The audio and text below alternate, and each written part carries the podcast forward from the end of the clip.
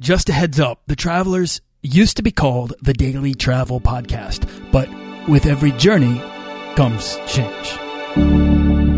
This podcast is produced by Holocene, a community of creative travelers. If you want to get serious about planning that next trip, writing that book, starting that creative project, or launching that business, we're breaking down the barriers between where you are and where you want to be together at joinholocene.com. That's join, H O L O C E N E.com.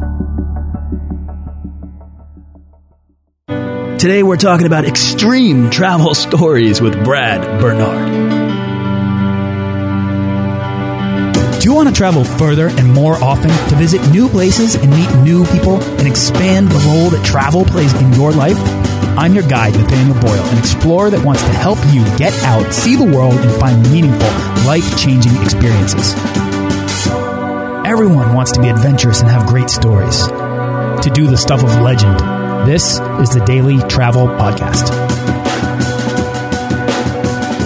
Okay, explorers, here's the thing. Podcasts really need your input, particularly your reviews. And if you could leave me a review on iTunes, I would love you for it. I'll even try to feature your review right here on the show. So feel free to ask any travel question or leave your best travel tip, and I will do my best to get it featured on an episode of the Daily Travel Podcast.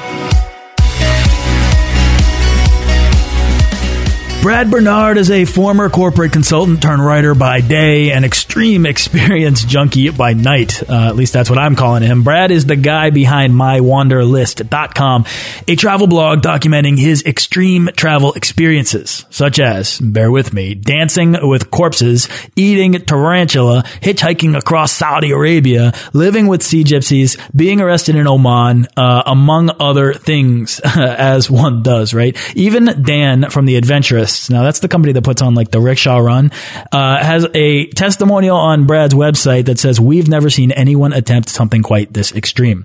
Okay. The world is full of adventure and Brad is pushing the boundaries of what you might believe to be possible in the interest of genuinely interesting story. And that's why I had to have Brad come on the show because not only is he quite extremely doing the stuff of a legend, but taking a journalist's eye to craft the stories he's telling in a compelling style on his blog, mywanderlist.com. So, Brad Bernard, welcome to the show. Thank you. Thank you. Thanks for having me. I'm so excited. Uh, all right. So I shared a little bit about you, Brad, but I want you to introduce yourself. Take us back to where you're from. Where'd you grow up and when did you get your start in travel? I grew up in the suburbs of Atlanta, actually, you know, never really uh, left the country until after college. My family's family was pretty conservative. I tried to do study abroad and all that stuff, and they really sort of discouraged me from traveling, from experiencing things.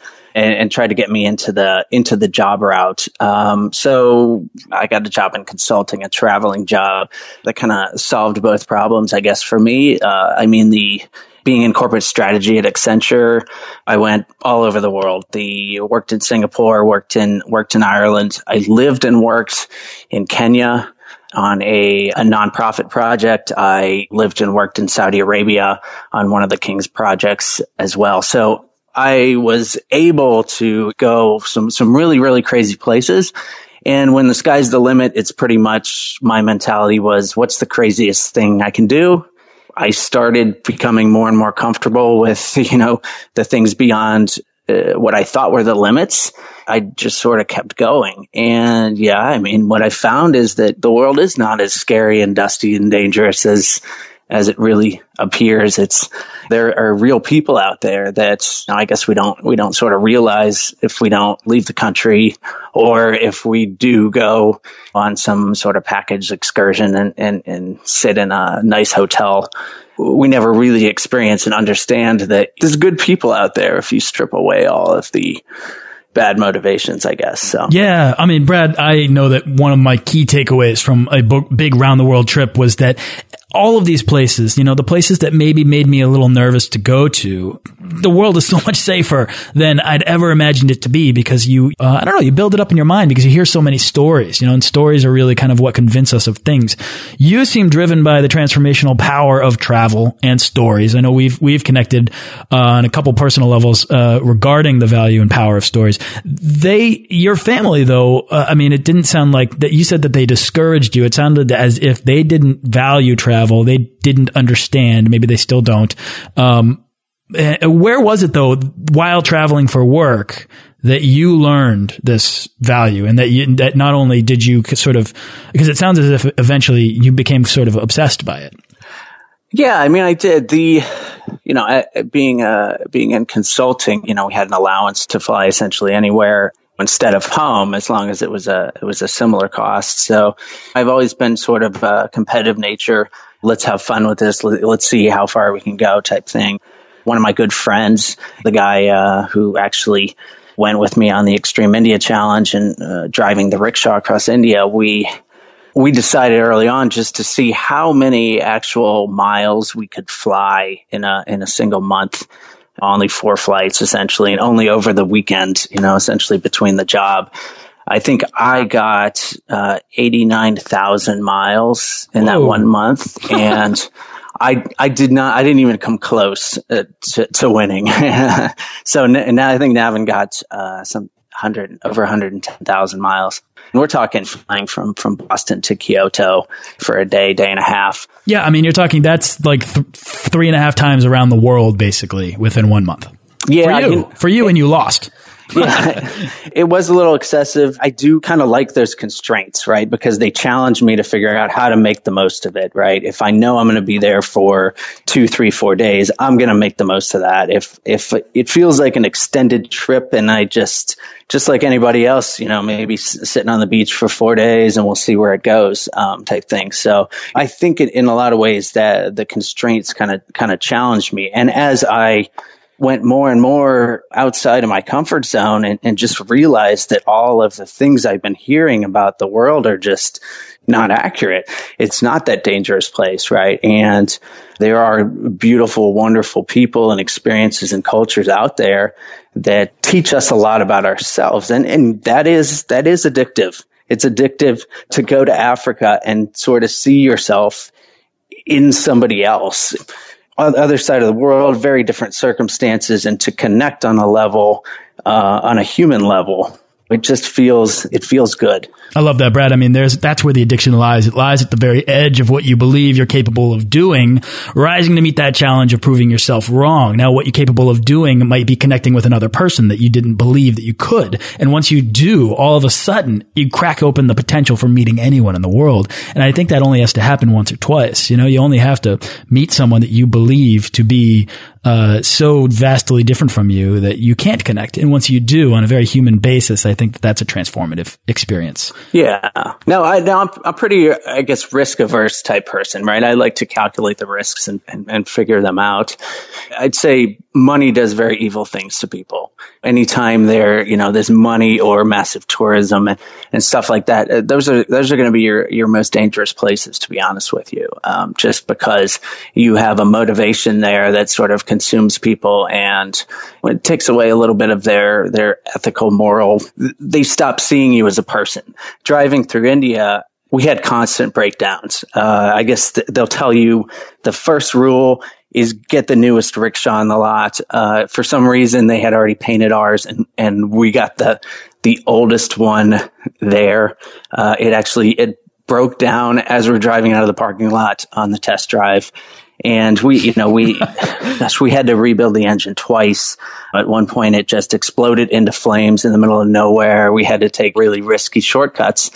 But in the end of the day, I mean, a lot of people think of think of India as very dangerous, and and I in the big cities definitely, yeah, you have to be careful. But you get out in the in the country, uh, and this is it's honestly the I mean it is the most honest country I've ever been to. I mean it's the type of place where you can you just leave your wallet on the seat in the car and you go into a restaurant. Nobody would even want or think to take it. They they don't even understand the concept of stealing. When you strip the money away, I mean people will invite you into their home homes. They're extremely nice. So that's just a big motivator um, for some bad things. Yeah, Brad. Let me ask you a question though. Before travel entered the picture, and when you were a you know a kid growing up, before you got this job that sent you around the world, uh, were you as challenge hungry, or was it the departure from your comfort zone that gave you this taste that just compelled you to to do more?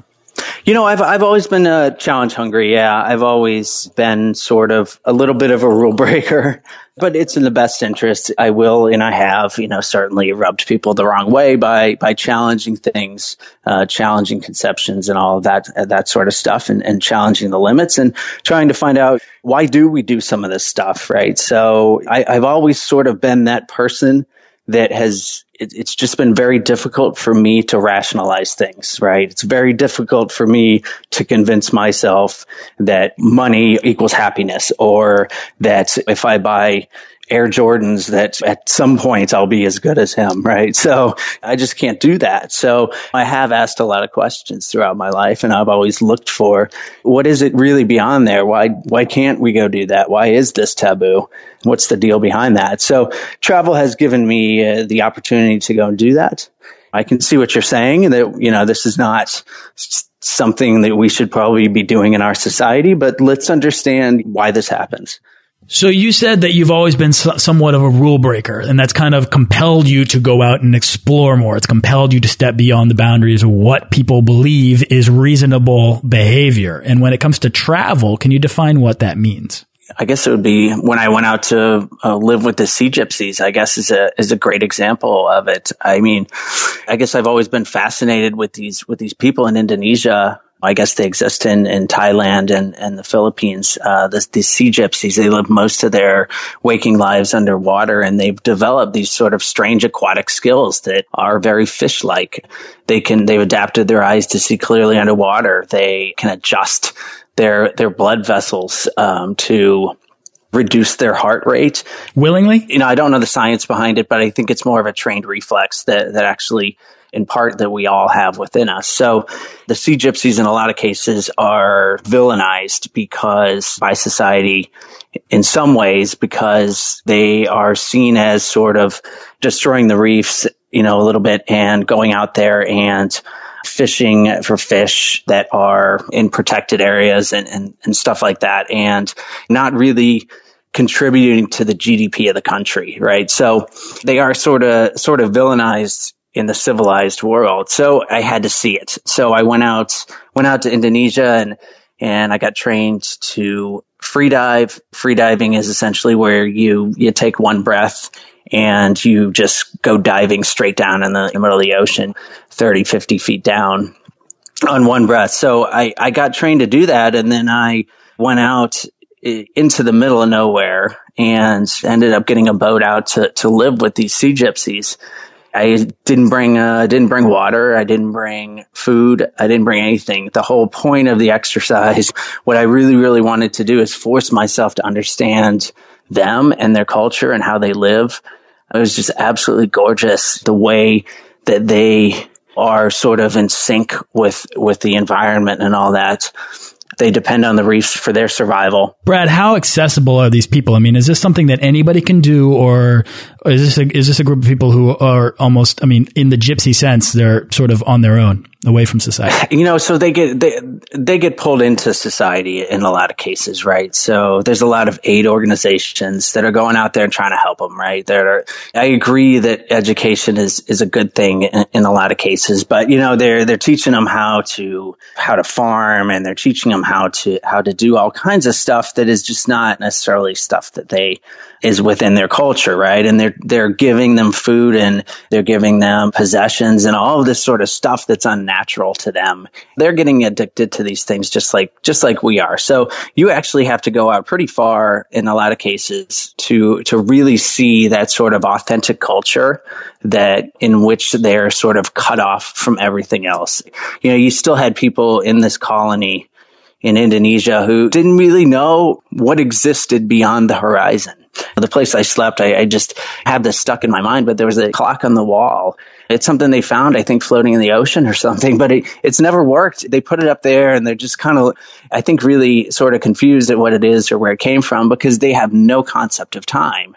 all they know is sun comes up, sun comes down and, and generations, right? They, the idea of a minute, the idea of an hour just, just doesn't exist out there. So really interesting to sort of, to sort of step back outside of our constraints and how we view the world to see what actually happens. Brad, let me ask you a question. Was it your goal when you got out there? I mean, was it your goal from the start to do what these sea gypsies do? I mean, did you want to free dive in the way they did? Because that's a pretty dangerous thing to try to do. Oh yeah, I did. I mean, I got yeah. I mean, I got I got certified. I didn't bring any food. My the only way I could eat was by was by spearfishing. Oh wow. Um, oh yeah. No, I was free diving, and they are they are so good at it. I took a what four day course or something, and and I can do it. But by all means, they don't use any weights. They don't use any flippers. They don't. They they'll go down there for for five minutes, come up, take a half a breath, and go back down for another five minutes, and just keep doing this. They are extremely well adapted to this environment, and and they can do things with their bodies that we, I guess, modern science is really still trying to explain. I wanted to force myself to to know that. Brad, I don't think that I would be capable of doing what the sea gypsies can do. And that's probably because they have, uh, I don't know, maybe a, a different, uh, different upbringing, different DNA, different uh, changes. But how far along into the like free diving process were you able to go? Were you able to sort of simulate what they could do? If they're down there for five minutes, I mean, how how long can you hold your breath? Probably, I guess, around two minutes. It's hard to hard to again, time kind of blurs when you're out there. So to me, it felt like a couple minutes. But you know, if you do these yoga classes, you can learn how to hold your breath, and that's part of the freediving course. You know, to teach yourself when you know you think you need to breathe, but actually no, it's it's yeah, you don't. It's it's your body getting scared, right, or, or you know, confusing the signals. You you have to kind of know that. or or it can be dangerous, sure. And you were accepted by by them to do something so dangerous alongside? From their perspective, it's, you know, it's not dangerous at all, right? It's like driving to the grocery store. you have to equate it that way. I mean, it's like if they came and said, I want to drive to the grocery store with you, you'd probably say, yeah, sure. Yeah. But driving in America is a very, very dangerous thing. I think that the fact that I didn't bring anything except for a couple gifts to give them in exchange for letting me stay there because I didn't bring anything. They, they opened right up. Uh, you know, as soon as you go out there and express interest in somebody's culture and uniqueness and all of that, they, they open up. And, and we don't see that, I think, a lot of times in America. I think we, you know, we have a lot of this political correctness. We put labels on, on people and everybody and we just don't see the, the people uh, beyond that, right? We're, we're scared to ask about, you know, somebody who is, has a different skin color because that might not be politically correct. But what I've found in almost in 99% of cases, when you ask about people's culture, they really, really want to talk about it. They want to tell you. They're surprised that you care. You know, Brad, obviously you're driven because I, guess all of these questions, I feel like you eventually move back to these, the, the heart of the message. I mean, you seem driven to find the truth in the travel or the truth in the world through travel. Um, and I know you said to me that the truth is a conversation away. Do you have another example of something that you've done that you could tell us about that helped you to sort of find the truth in the people or helped you to break down that barrier that you might have had with uh, another people? Oh yeah. So, so a good example, I guess, would be uh, when I went out to to Oman, and and I didn't tell my parents I was I was going there. It was one of these okay cheap flights. Let me just let me just see what it's about. And let me preface this by saying Oman is, is an absolutely lovely country, um, one of the warmest, nicest people you'll ever meet. But this was a little, I guess, a little bit after 9-11, four, five, six years later, when the world is still struggling to understand this whole terrorism thing. But what ended up happening is I, you know, walking around the city taking pictures, had, I did have a big zoom lens. Um, and apparently a few people called me in as being suspicious and the cops came up and just they just threw me in the back of the car you know told me I had done something very wrong drove me to the police station, started asking me all these questions about where I'm from. And I get scared. You know, I just want, I'm just here to explore, to experience. You know, I hope that's a legitimate reason to be here. You know, how do you explain that? And, uh, tourism, you know, right? I, you know, I didn't even tell my mom I'm going to be in, uh, you know, I was going to be in this country and, what, what, did I what did I do wrong in the first, in first place, right? So after a lot of a lot of sort of nervousness on on my part and a long interrogation process, they went through my whole camera, looked at all the pictures. They're like, well, you have to delete those couple because that's a picture of a federal building or whatever. And, and, you know, that's considered, uh, a sultan's palace here. So, you I have to delete that. And I'm like, totally fine. Yeah. let's delete it. When they drove me back, but, but what they explained on the way back is that in your country, you have a certain view of what terrorists look like, right? We're all trying to struggle with this. Over here, when people picture terrorists, they picture them as, as guys that look like you, uh, wearing shorts, a polo shirt, um, and sort of looking like an American. So, people are are suspicious of that. And so one of the you know that really really opened my eyes to sort of how much bias is between us and, and the people on the other side. You read the newspapers, you know, they're obviously shocking headlines. They obviously, you know, generalize certain cultures and stuff like that. But in the end of the day, that's what they were being told by their media, right? So it was just a conversation away. Hey, you know, I'm I'm a real person, uh, and and that's that's one of the surprising things about traveling, and and especially to these uh, godforsaken places and people are just like why? You know they you know first thing they want to know is why do you why are you here? Like why do you want to know about me? I, am totally uninteresting you know tell me about america you know type thing. Um, but then they're also like one of the things that always comes out is is they say you know you're nothing like the way we pictured an American based on what we read in the newspaper. Uh, and you, and you have to think about about our fronts, right? Or how they, how they learn about what an American is, but you also have to take a step back and think what you're thinking of a Muslim or, or of somebody in uh, in Africa or, um, the Middle East or India, you know, is probably way different than what's actually happening. So you have to try to try to seek the truth as much as you can, and and it's and there's a lot of there's a lot of layers there of mistruths. You know, being arrested in Oman, swimming with sea gypsies in Indonesia. When did the blog come into the picture? And you know, because it's one thing to go and do these things, but it's quite another to actually want to document it or create something along the way. You know, I started writing about a year and a half ago. I just kept doing all this stuff and just thinking um, you know, I've traveled for what eight or nine years doing doing all kinds of stuff, and and I by the way, I have a I have a backlog of you know, dozens of stories that are even more interesting than those, but I never really really thought it would be interesting to anybody. I come back from these trips and I struggle to. I, I mean, I guess I always struggled to explain it to my family and my friends why I would want to go to Bolivia on a vacation. They totally didn't get it, and I guess I, I started writing as almost a therapeutic thing of like of trying to be able to articulate my thoughts and why I thought it was valuable. So that's where it, it spun out, and I started writing some articles like the um, Dancing with Corpses, where we you know went out and with a family in in Madagascar, we went out to their cemetery and, and dug up these corpses, pulled them out of the ground, and dressed them in clothes and danced danced around town with them. Wait, why? What? Sorry, I need some backstory on that. Yeah, I mean, there's so there's a, this ceremony in in uh, in Madagascar, and I guess I was just sort of morbidly interested in it, and I had heard about it or whatever. It, it apparently happens every seven years. The uh, the families go out and they they dig up these bodies um, and corpses from the graveyard. Um, they they put clothes on them. They they uh, they dance around town with him and, and supposedly bury him upside down when, you know, so I, I had to, I had to find, you know, I had to find out about this, right? And, you know, it's something that is actually, uh, it's a taboo if you, if you go into the city, right? They, a lot of the people who, you know, have sort of modernist views, you know, just think that that's, that's just something that, uh, that crazy people do. So, you know, and they couldn't understand why I want to see it. And I couldn't really articulate why either.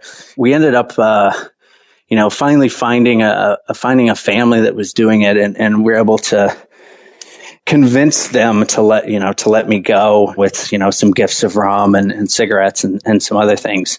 And they were sort of a little bit confused to see me at first. You know this is pretty far out there. And but they welcomed me right in they wanted me to participate as part of the family so they wanted me to get the experience. They gave me the shovel to help dig the corpses up from the ground. They wanted me to go into their mausoleum and touch the corpses and the skeletons and all that. And, you know, that I just remember the guy, uh, introducing me to his, you know, to his parents, to his grandparents. What I found is that the, the premise of this, uh, of this whole ceremony is just re- is reconnecting, right? I mean, this is this is the family cemetery, right? This is where the sort of history comes from. You know, there's sort of a, you know, sort of an aura as they see around this, around this area because that, you know, sort of explains things to them, you know, and, and creates meaning. You know, the seven years is because they have to wait until what they say the world, the, the layer between the, uh, the, the real world and the spiritual world are, are close enough that people can actually pass over into the real world. Now, I mean, you know, sounds hokey. I'm a skeptical person, you know, but they were dancing around with them. They were, they were talking to them and, and, you know, you can see these little girls just like holding the, the, the, the dead body of their, of their grandmother and crying and telling them about, you know, how they're doing in school and stuff like that. I'm sorry to interrupt you, but as an outsider, how did you feel watching this sort of thing happen? You know, you just gradually get sort of drawn into it, right? So, you know, it's like one step at a time. Okay, okay, you know, and, and then pretty soon you're what in the middle of this ceremony digging up a corpse and it feels perfectly fine you know it feels natural it really just still haunts me because i just remember that that girl just holding her grandmother and, and just, I felt it, right? I just, I, you know, felt the connection, um, between them, right? It just really, really helped me, first of all, raise questions to me of why death is so taboo in, in America, right? Why we bury and forget, why we, we don't even talk about it, right? You can't talk about death. You can't talk about dying. You know, it's just something we don't talk about. But in reconnecting with the people that made you, your your family and stuff and and where you come from it just creates so much more satisfaction to realize that you're part of something bigger. As as more as it sounds i, I you know I, I wish more people would could have that experience i guess yeah, Brad, you seek to obviously challenge yourself and your understanding of things so drastically so as to redefine your understanding of reality, to constantly seek these questions. And I think that travel sort of begets more questions and it makes you hungry for more. Uh, I, I love this because you're shining a light on, on the value of your extreme experiences, not just for the sake of shock, but for the actual sake of growth. Uh, we are unfortunately out of time, oh. but I would love to ask you a question about, uh, if you could just take your experiences, take the things that you've written down, the stories that you've told, uh, make them accessible for somebody that's listening that's not about to go free diving with sea gypsies, that's not about to go digging up corpses and dancing with them. Uh, how can people make their travel do the same things that your experiences are doing for you? Just just go try something, right? You you know, I guess everybody villainizes these these bucket lists and says, "Oh gosh, you know, they're don't do the bucket list. Well, if the bucket list is going to get you on an airplane and get you someplace to experience things, I think it's, I think that's a great thing. But, you know, when you get out there, I mean, you know, just always think about, hey, pushing your limits because there is so much more beyond that. You know, when you're sitting in a couch watching TV and you're, you know, in your cubicle and, and, you don't understand the the abilities that you have. I mean, I'd also say like when you go out there and travel, just just be humble, just talk to people, just smile. I mean, it just opens things up and people are, people are there to help you. Um, and I guess another takeaway is just make yourself vulnerable. It's, it's hard to do, you know, but if you, if you just sort of, sort of let go a little bit of your wall, um, you, you'll find that beneath everybody else, you know, people will take down their walls, right? And beneath that, I mean, we're all human and we're all, good people at heart with some sort of uh, toxic motivations uh, layered onto it. Those are easily stripped away. Love that. Brad, this is really cool. What's exciting you the most right now? Where's your next trip or what's your next project? Uh, so, well, I'm working on a, a book right now. And uh, you know just getting through the proposal process but it just takes all this all this stuff to kind of kind of the next step looking at just the most extreme stuff out there, but in a way that Americans can can really identify with. It's just sort of sort of taking some of these lessons back, but also sort of equating that to what we are struggling with in our daily lives and that there really there really is so much more. I mean, you if you get angry at something you see on the news and you know just really try to understand what's going on beneath that you it's really a distraction to to, to finding yourself I should be having, I should be going on quite a few, quite a few things. Um, they, they might get kind of dangerous, um, but without danger and risk, there's, there's no fun. So. and that's how to maybe wrap up this whole interview with a little bow tie. Brad, where can people go to find out more about you? I mean, I certainly have a blog, mywanderlist.com. Uh, you can also find me on, uh, I guess, Twitter is where is, is usually the easiest place to get a hold of me. Yeah, if you have any questions about any of these extreme experiences that Brad has glazed uh, over today, or you want to get deeper into them on his blog, check it out, mywanderlist.com. Uh, Brad, man, I wish you a lot of luck on this book. Uh, I can't wait to check it out. I think that a lot of the, the experiences that you've done, not on, not only are they shocking and fascinating, but they you you have a, uh, a sensitivity towards the value in extracting that and sharing that with others. So thank you so much for coming on the show to do that. And uh, good luck, man. Happy travels. Okay. Thank you very much. Thanks for listening to this episode of the Daily Travel Podcast. For show notes and links to everything in this episode and more, head on over to dailytravelpodcast.com. Join our Facebook page of explorers and subscribe to our newsletter for the best deals and resources to help make your next trip life changing.